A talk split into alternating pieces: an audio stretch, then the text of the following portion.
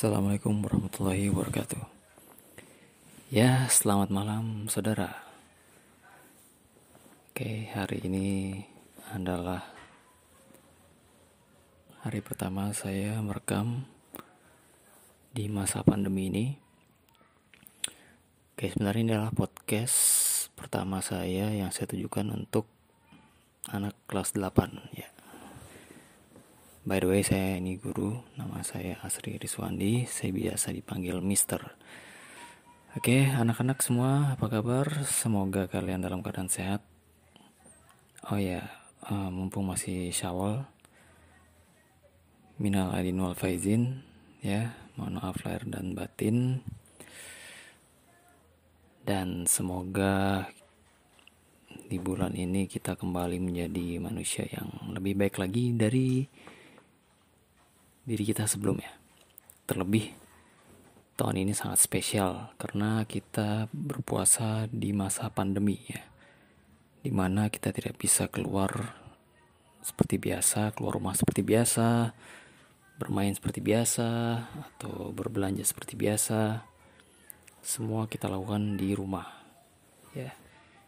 Di rumah aja. Jadi tidak pergi keluar kecuali mungkin untuk kebutuhan tertentu ya, kebutuhan dasar ya sebagai anak sekolah ya yang masih bersekolah kalian tentunya uh, menumpang dengan orang tua. Jadi untuk urusan kebutuhan dasar ya biarlah orang tua kita saja yang mungkin harus keluar ya. Ya boleh membantu juga. Hanya saja perhatikan protokol kesehatan menggunakan masker dan jaga jarak. Selalu mencuci tangan dan pastinya harus mandi oke okay? ya karena agama kita juga mengajarkan ya kebersihan itu dari dulu ya jadi seharusnya kita biasa saja menghadapi ini dan memang harus menjadi kebiasaan hidup uh, bersih dan sehat oke anak-anak uh, mohon maaf kalau mungkin uh, ini terdengar sangat aneh ya, tapi semoga ini dapat membuat uh, rasa kangen kalian dengan guru-guru. Ya mungkin dalam hal ini saya ya. Bisa terobati sedikit. Dan yang tidak kangen ya tidak apa-apa. Tidak apa-apa. Ya. Saya hanya berasumsi gitu. ya karena terus terang sebagai guru saya juga sangat uh, merindukan sekolah ya. Pesantren masuk seperti biasa masuk ke kelas melihat eh, suasana keramaian di kelas dan di sekolah ya di Alan. Dan itu rasanya sangat menyenangkan ya, berada di tengah-tengah kalian semua. Ya mungkin eh, ini hal pertama ya yang kita rasakan. Tapi sebenarnya pandemi ini telah banyak terjadi dalam sejarah peradaban manusia. Sejak zaman Nabi ya mungkin sejak zaman dahulu kala sampai sekarang eh, selalu ada peristiwa pandemi. Mungkin di abad modern ini pandemi yang pernah terjadi adalah flu Spanyol ya. Sampai menewaskan kurang lebih 50 juta penduduk dunia. Ketika itu ya. Luar biasa kan? Jadi mereka dulu belum modern seperti sekarang ya. Mungkin lebih terasa gitu. Jadi tetap uh, ada hikmah yang bisa kita ambil di masa pandemi ini. Dan pandemi ini terjadi uh, tidak bisa diprediksi ya. Mungkin apa sebagian pendapat ahli yang memprediksi adanya pandemi? Karena penyakit itu muncul akibat dari eh, pola hidup manusia ya. Kebiasaan manusia yang berubah. Ya dulu mungkin sebelum ada handphone kita dan belum banyak kendaraan bermotor kita lebih sering berjalan kaki kita lebih sering ke rumah orang gitu ya silaturahmi lebih sering kita lakukan langsung ketimbang menggunakan telepon walaupun waktu itu telepon sudah ada ya. dan manusia saat itu mungkin lebih sehat karena lebih banyak bergerak ya. Ya itu sedikit saja pendahuluan dari saya. Um, intinya adalah melalui rekaman ya siaran rekaman ini atau yang sekarang disebut podcast ya. Saya sedang mencoba hal baru dan semoga di antara kalian ada yang tertarik juga untuk mencoba dengan memilih tema-tema tertentu. Kalau saya mungkin ini hanya sebatas ya coba-coba ya.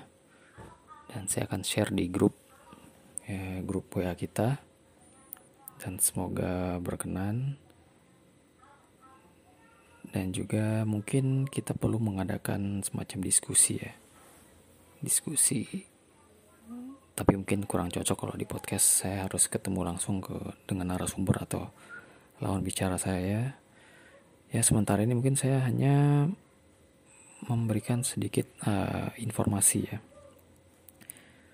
Informasi-informasi yang mungkin kecil dan semoga berguna buat kita semua. ya sekarang kita akan membahas um, new normal. Ya. Sebuah istilah yang akhir-akhir ini lagi ngetren ya yang lagi naik daun. New normal kelaziman baru atau kenormalan yang baru yang mungkin sebenarnya hal ini normal tapi jarang dilakukan. Namun hari ini kita harus melakukannya seperti contoh kita harus menggunakan masker apabila bepergian gitu ya ya mungkin kalau saya lebih tepat menurut saya itu ya maks minimal eh, maksimal ya. Eh, minimal sorry. Minimal radius 3 km lah dari tempat kita tinggal. Ya kita menggunakan masker. Tapi kalau mungkin hanya sekedar ke warung depan ya ke gang sebelah ya mungkin kita tidak perlu masker. Kecuali kita sedang sakit. Ya kalau kita sehat kita tidak perlu. Kecuali kita ingin bepergian lebih di atas 3 km ya radius kita harus menggunakan masker yang tadinya tidak perlu tapi hari ini kita harus perlu walaupun kita sehat siapa pun ya orang tua maupun muda harus menggunakan masker dan ini mungkin sebuah kenormalan yang baru. Kalau sebelumnya mungkin ketika kita sakit saja baru kita menggunakan masker ya, terutama penyakit yang menular ya. Seperti flu, ya flu biasa ya. Sebaik sebaiknya kita menggunakan masker ya. Jadi nanti nah, kalian kalau sudah masuk lagi ke sekolah ketika ada yang sakit flu atau batuk, nah sebaiknya menggunakan masker ya, untuk menjaga ya sebuah normal yang baru ya nah, ini kita bahas secara sederhana ya kemudian selain menggunakan masker kita juga harus uh, cuci tangan ya dengan sabun. Yang mana ini sudah sering kita dengar ya.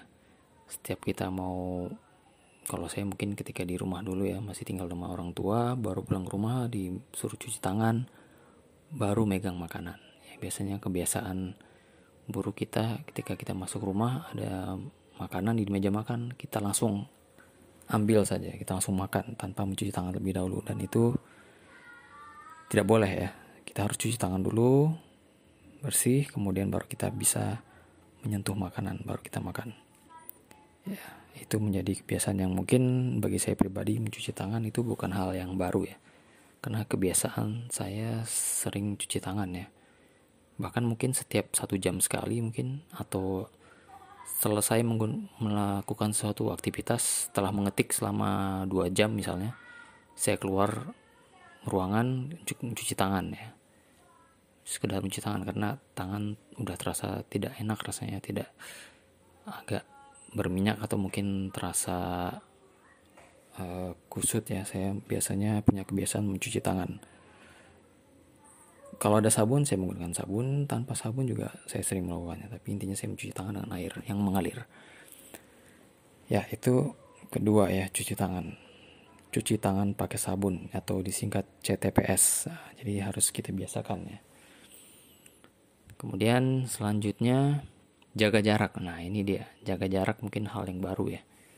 Uh, tadi minta untuk jaga jarak sebenarnya hanya untuk berjaga saja gitu. Seandainya ada orang di depan kita yang bersin ya atau batuk. Nah kita masih jika kita menjaga jarak kita tidak terkena ya. Tidak langsung terkena oleh droplet atau cairan dari mulut atau hidung ya yang keluar. Karena itu adalah salah satu yang dapat membuat eh, pembawa penyakit ya. dalam hal ini ya mungkin sekarang covid ya. Kalau flu biasa ya kita bisa terkena flu juga gitu ya. Nah, itu jaga jarak. Kemudian eh,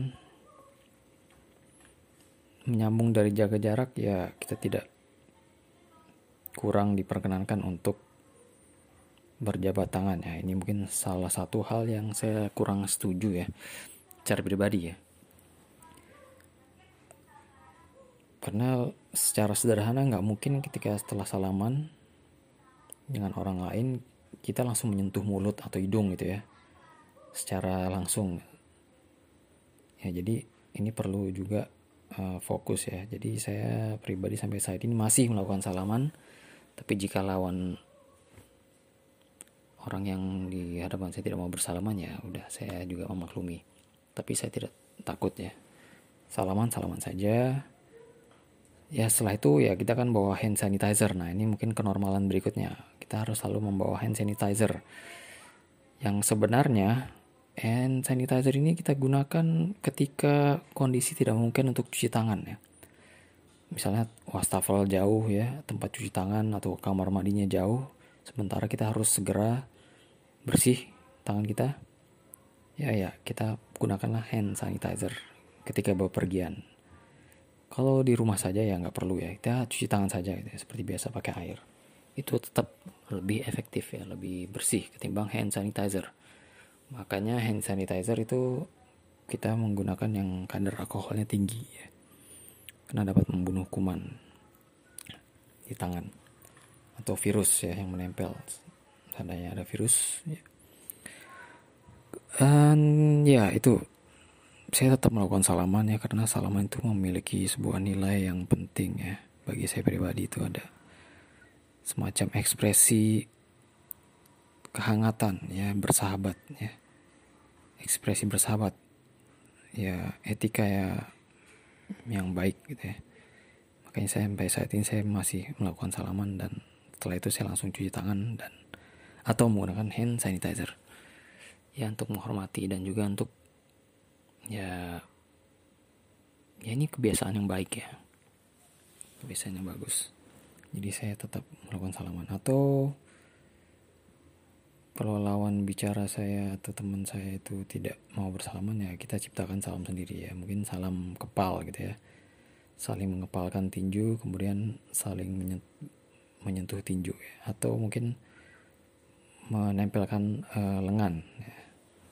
Salam corona kalau kata Mr. Sweet ya jadi tidak berjabat tangan tapi kita menempelkan uh, punggung lengan kita bersama punggung lengan kita dengan teman kita orang lain ya lucu memang ya ya tapi begitulah badannya kemudian juga kita harus menggunakan alat peralatan makan sendiri ya. Tapi kalau ragu mendingan tidak usah, jadi tidak berbagi minuman atau sendok ya. Kita bisa makan dengan alat kita sendiri ya.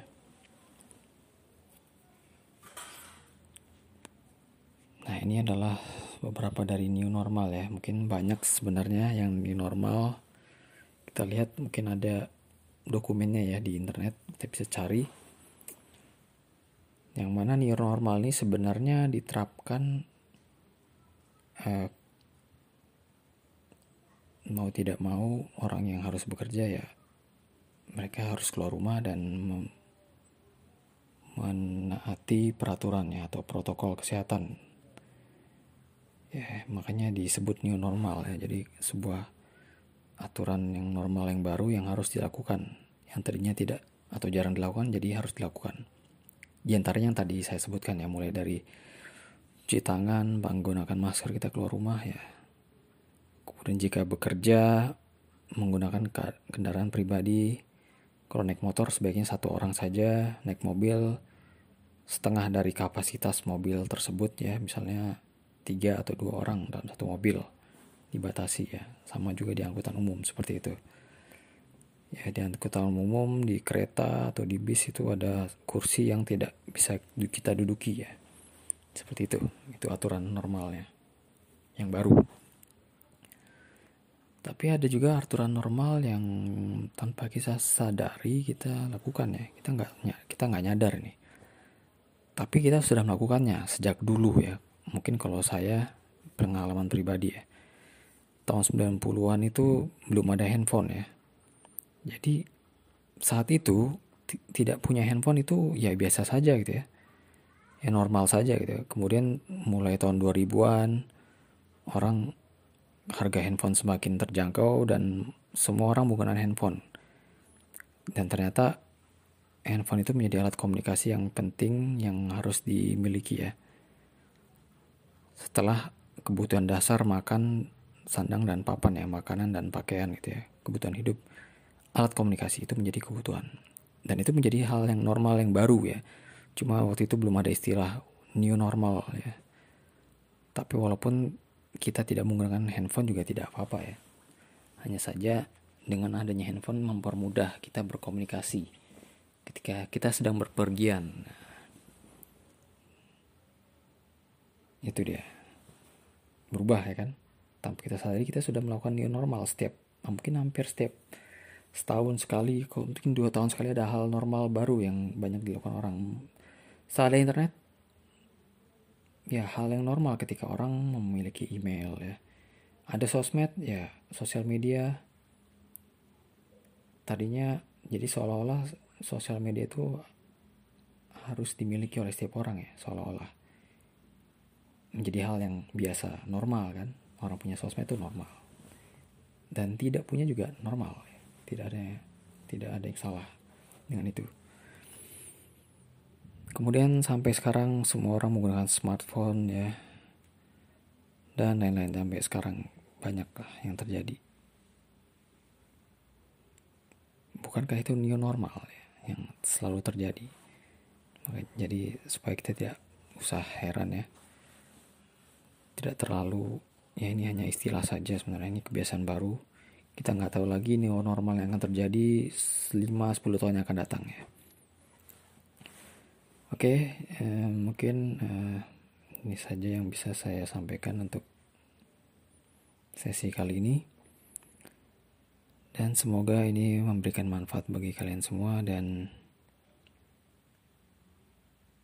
silakan eh, kalian juga bisa membuat maksud saya membuat podcast seperti ini juga bisa menggunakan aplikasi ya, perekam suara ya, simple. Daripada vlog ya, podcast lebih simple. Hanya suara, modal suara dan alat perekam. Dan disebarkan di sosial media atau di aplikasi tertentu ya. Dan juga di sini saya ingin mempromosikan ya blog ya. Jadi saya menekankan kalian untuk aktif menulis blog ya. Minimal ya seminggu sekali kalian menulis sesuatu lah gitu ya. Boleh cerita, boleh cerpen ya, boleh juga apa yang kalian pikirkan ya di dalam kepala kalian yang ingin dibahas seperti yang saya bicarakan ini ya mungkin akan saya jadikan blog ya saya tulis saya ketik kembali. Ya. Karena menulis itu sangat menyenangkan dan juga memiliki nilai sejarah tersendiri ya. Dan tidak pernah hilang ketika kita punya ide kita tulis di blog maka tulisan itu akan terus berada di situ dan ide kita selalu ada ketika kita lupa kita bisa buka blog kita kita lihat apa yang pernah kita tulis ya dan jangan lupa setiap tulisan yang kalian tulis di blog ya share ya di share di sosial media supaya tidak hanya kita sendiri yang menikmati. Dan semoga ada manfaatnya juga untuk orang lain yang membaca. Oke, uh, blog saya yaitu asri83.blogspot.com ashri83.blogspot.com dan ingat kalian harus punya sebuah blog ya. Karena saya guru TIK kalian dan ini adalah suatu kewajiban. Jadi kalian harus mempunyai satu blog ya minimal. Dan di situ kalian bisa memposting tugas dan apa pun itu. Silahkan diposting itu untuk menyimpan dokumentasi kalian. Blog baik. Sekian terima kasih. Kurang lebihnya mohon maaf. Assalamualaikum warahmatullahi wabarakatuh. Salam sehat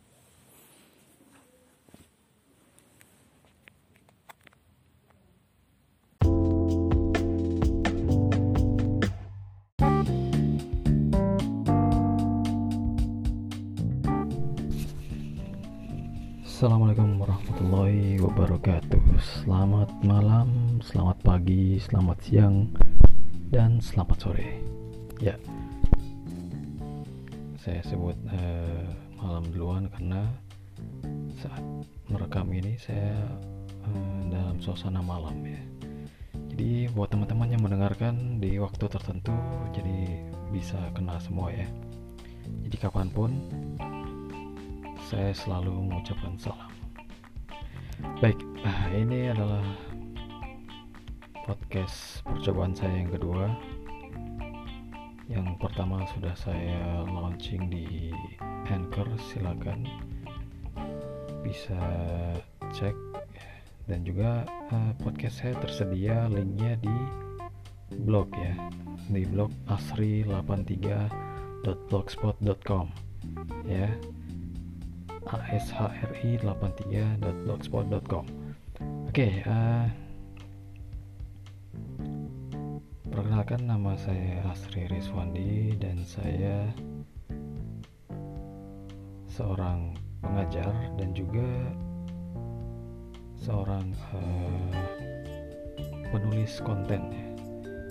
Saya lebih suka menyebut sebagai penulis konten karena saya suka sekali menulis di blog baik itu di blog uh, pribadi ya maupun di platform blog uh, yang lainnya yang cukup populer ya yang istilahnya itu blog uh, keroyokan ya artinya di dalam situ kita bisa memposting apa saja tulisan kita sesuai dengan uh,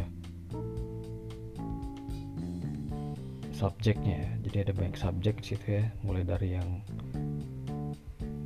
berat sampai ringan. Bahkan tersedia kolom khusus fiksi. Bagi yang suka menulis puisi atau mungkin suka menulis cerita gitu ya. Cerita bersambung atau cerita pendek. Atau mungkin uh, naskah drama ya.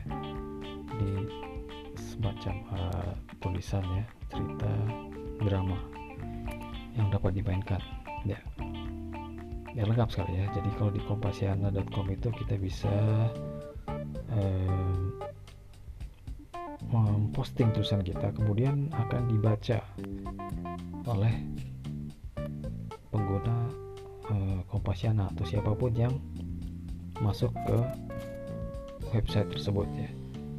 Atau mungkin kita bisa membagikan link tulisan kita di sosial media dan lain-lain. Ya, jadi cukup ya bagus sekali ya untuk belajar menulis ya saya suka menulis ya eh, terutama hal-hal yang bisa dibilang ya apa yang menjadi pikiran ya.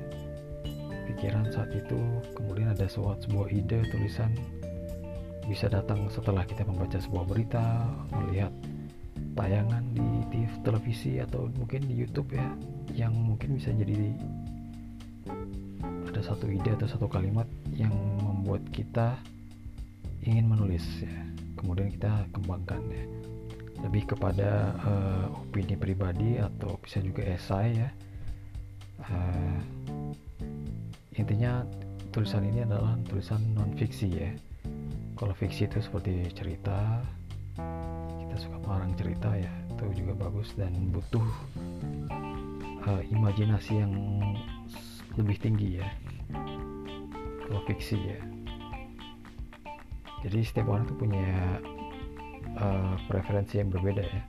Ada yang suka fiksi ada yang non fiksi dalam hal bacaan ataupun uh, tulisan ya.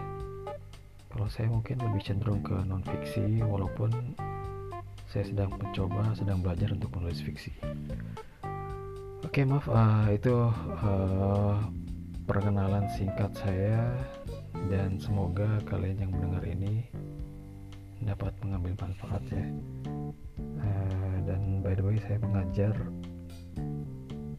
di madrasah ya madrasah sanawiyah uh, mata pelajaran teknologi informasi atau sekarang disebut informatika ya.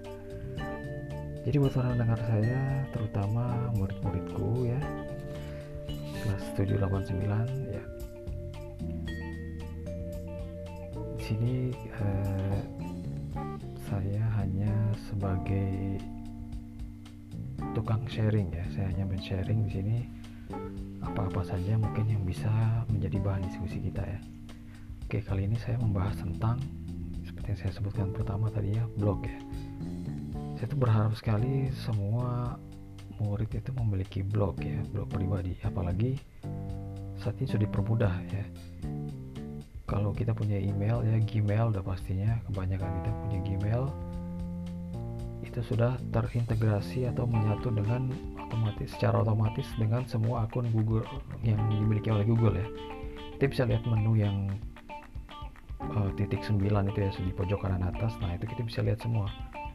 Apa saja uh, menu di Google itu ya selain kita bisa mencari search engine ada juga di situ misalnya Google Classroom yang saat ini sedang tren ya semua murid menggunakan ya guru.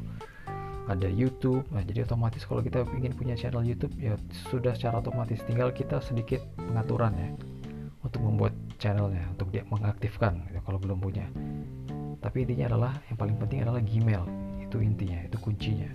Jadi kalau kita punya Gmail kita bisa bikin blog ya dengan bloggernya blogger.com kita ke uh, pertama kita login dulu Gmail kita. Kemudian kita buka tab yang baru di sebelahnya. Nah kita ketik saja blogger.com ya. Double G ya blogger.com nah kita bisa melihat atau memulai membuat blog ya. Jadi di mana kita bisa memposting tulisan ya atau apa pun itu ya karya. Dia di blog itu kita bisa memposting gambar ya kalau kita punya karya gambar kita bisa posting gambar kita suka menulis kita bisa posting tulisan kemudian kita bisa posting juga uh, kalau kita punya channel YouTube nah kita bisa masukkan video YouTube kita di blog itu ya dan banyak sekali ya banyak Nah, intinya adalah tempat untuk kita menuangkan ide dan kreativitas kita di dalam sebuah wadah ya, online. Nah, itu adalah blog. Sebelum mungkin nantinya kalau kita ingin lebih serius punya website pribadi ya. Karena kalau blog itu selain lebih praktis, memang secara addressnya tuh ya, alamat itu mungkin ya kita terlihat gitu ya menumpang dengan blog blogspot ya atau blogger tapi nggak masalah ya untuk permulaan jadi tidak usah pikiran itu tapi kalau blog kita sudah banyak pembacanya ya. Sudah trafficnya atau lalu lintasnya itu banyak sekali dilihat. Tentunya pasti tulisan isi blog kita pasti menarik ya pasti. Kemudian yang kedua agar blog kita menarik ya kita harus membuat kalau yang suka menulis kita bikin tulisan yang judulnya itu yang unik ya. Kemudian kita harus rajin share ya bisa di share di sosial media atau di status WhatsApp kita juga bisa. Uh, dan juga kita bisa lewat email ya lebih pribadi ke teman-teman gitu ya. Itu juga bisa ya. Tapi lebih mudah mungkin di uh, sosial media seperti Twitter atau Facebook ya Instagram nggak bisa ya. Kita ya mungkin kita masukkan linknya bisa ya. Cuma kurang efektif kecuali di Facebook ya. Itu bagus sekali di Facebook. Kita ketika kita posting nah kita bisa lihat nama blog kita ada di situ. Tinggal tergantung berapa banyak jumlah teman kita nah, kemungkinan setidaknya banyak diklik lah ya. Tapi yang paling penting adalah tulisan kita itu dapat memberikan manfaat bagi orang lain. Selain uh, kita menemukan ide kita ya jadi orang itu bisa menilai kita kita dari tulisan kita blog kita. Oh tulisannya seperti ini. Nah berarti karakter orangnya seperti ini. Nah setidaknya uh, menulis itu terlihat lebih ya lebih keren aja gitu ya. Kalau menurut saya itu lebih baik kita terlihat lebih cerdas gitu ya. In, intelek ya. Itu hanya kesan saja sebenarnya. Intinya ya kita juga nggak perlu kita cukup bicara dengan tulisan kita kita nggak perlu mengkomentari kalaupun ada komentar ya itu saya senang pribadi saya suka dikritik dikomentari tulisan saya ya. Apalagi yang mengomentari itu adalah penulis yang sudah yang tulisannya lebih banyak mungkinnya dia lebih banyak produktif. Saya, saya senang sekali ya itu bisa menjadi kesempatan ya. Apalagi diberi masukan ide dan itu bagus sekali karena penulis itu menulis itu butuh ide ya. Ide apa pun ya. Mungkin dari hal yang keresahan pribadi nah itu bisa ditulis ya. Karena banyak orang memiliki tidak memiliki kemampuan verbal yang baik. Maksudnya dengan menulis kita bisa mengeluarkan apa saja isi pikiran kita dalam tulisan. Ya. Dan maka penulis itu juga uh, bisa disebut sebagai terapi ya terapi psikologi ya ketika kita sedang mungkin uh, stres atau punya banyak pikiran. Nah alangkah baiknya kalau pikiran kita itu kita masukkan ke dalam sebuah tulisan gitu ya. Tentunya dengan tulisannya yang baik ya yang tapi untuk sebagai permulaan ya tidak apa-apa ya kita bahasa apa yang kita sesuai ya dengan bahasa kita kita ingin lebih baik lagi ya kita bisa mengatur kata-katanya gitu ya. Harus konsisten. Kalau kita menggunakan aku ya seterusnya kita aku atau saya atau penulis ya. Dengan sendirinya akan tulisan kita akan uh, menjadi lebih baik. Jika kita menulis setiap hari ya atau rajin menulis ya atau paling tidak seminggu sekali kita posting lah salah satu tulisan kita di blog kita ya di blog mana pun. Kemudian kita share. Apalagi tulisan yang kita buat itu yang sesuai dengan apa yang terjadi saat ini. Misalnya uh, dalam satu bulan itu mungkin banyak sekali tema yang kita lihat di luar sana ya. Kalau sekarang sedang pandemi ya kita bisa cari materi ya, kira-kira bahan tulisan apa di dalam pandemi itu ya. Di segi kesehatannya dari segi virusnya mungkin segi uh, gaya hidup banyak sekali ya yang bisa kita cari kita gali. Kemudian kita jadikan tulisannya nah ya itu. Mungkin dari saya bisa saya sampaikan saya punya sebenarnya saya punya tiga blog ya. astri83.blogspot.com kemudian ada astri83.wordpress.com dan kompasiana.com jadi uh, kalian yang ingin membaca tulisan saya mungkin bisa langsung kalau lebih mudah mungkin kalau ada Facebook ya. Tinggal buka Facebook uh, add saya kemudian tinggal lihat postingan saya. Jadi rata-rata di postingan saya itu di Facebook banyak men-share uh, tulisan saya ya, tulisan dari blog baik itu di Kompasiana atau di Astri 83 blogspot ya. Kita bisa baca baca silakan. Saya sangat senang sekali apalagi diberi komentar ya ada kolom komentar silakan di komentar bebas ya. Uh, tenang aja saya orangnya tidak baperan. Ya jadi mau mengkritik kasih masukan saran saya sangat menerima. Tanpa pandang usia ya. Ya jadi di sini kita sama-sama belajar ya. belajar. Ya mungkin itu ya. Uh, yang saya harapkan dari kalian ya untuk rajin-rajin menggali informasi ya. Yang paling penting jangan mudah percaya informasi. Oke mungkin ini akan menjadi tema berikutnya ya. Bagaimana kita melawan hoax ya. hoax. Dan kenapa ada hoax? Nah dan lain-lain. Nah penasaran? Oke nanti kita akan ngobrol kembali. Uh, kita bahas kembali di podcast yang selanjutnya. Baik uh, terima kasih sudah mau mendengarkan ya. Uh, obrolan ringan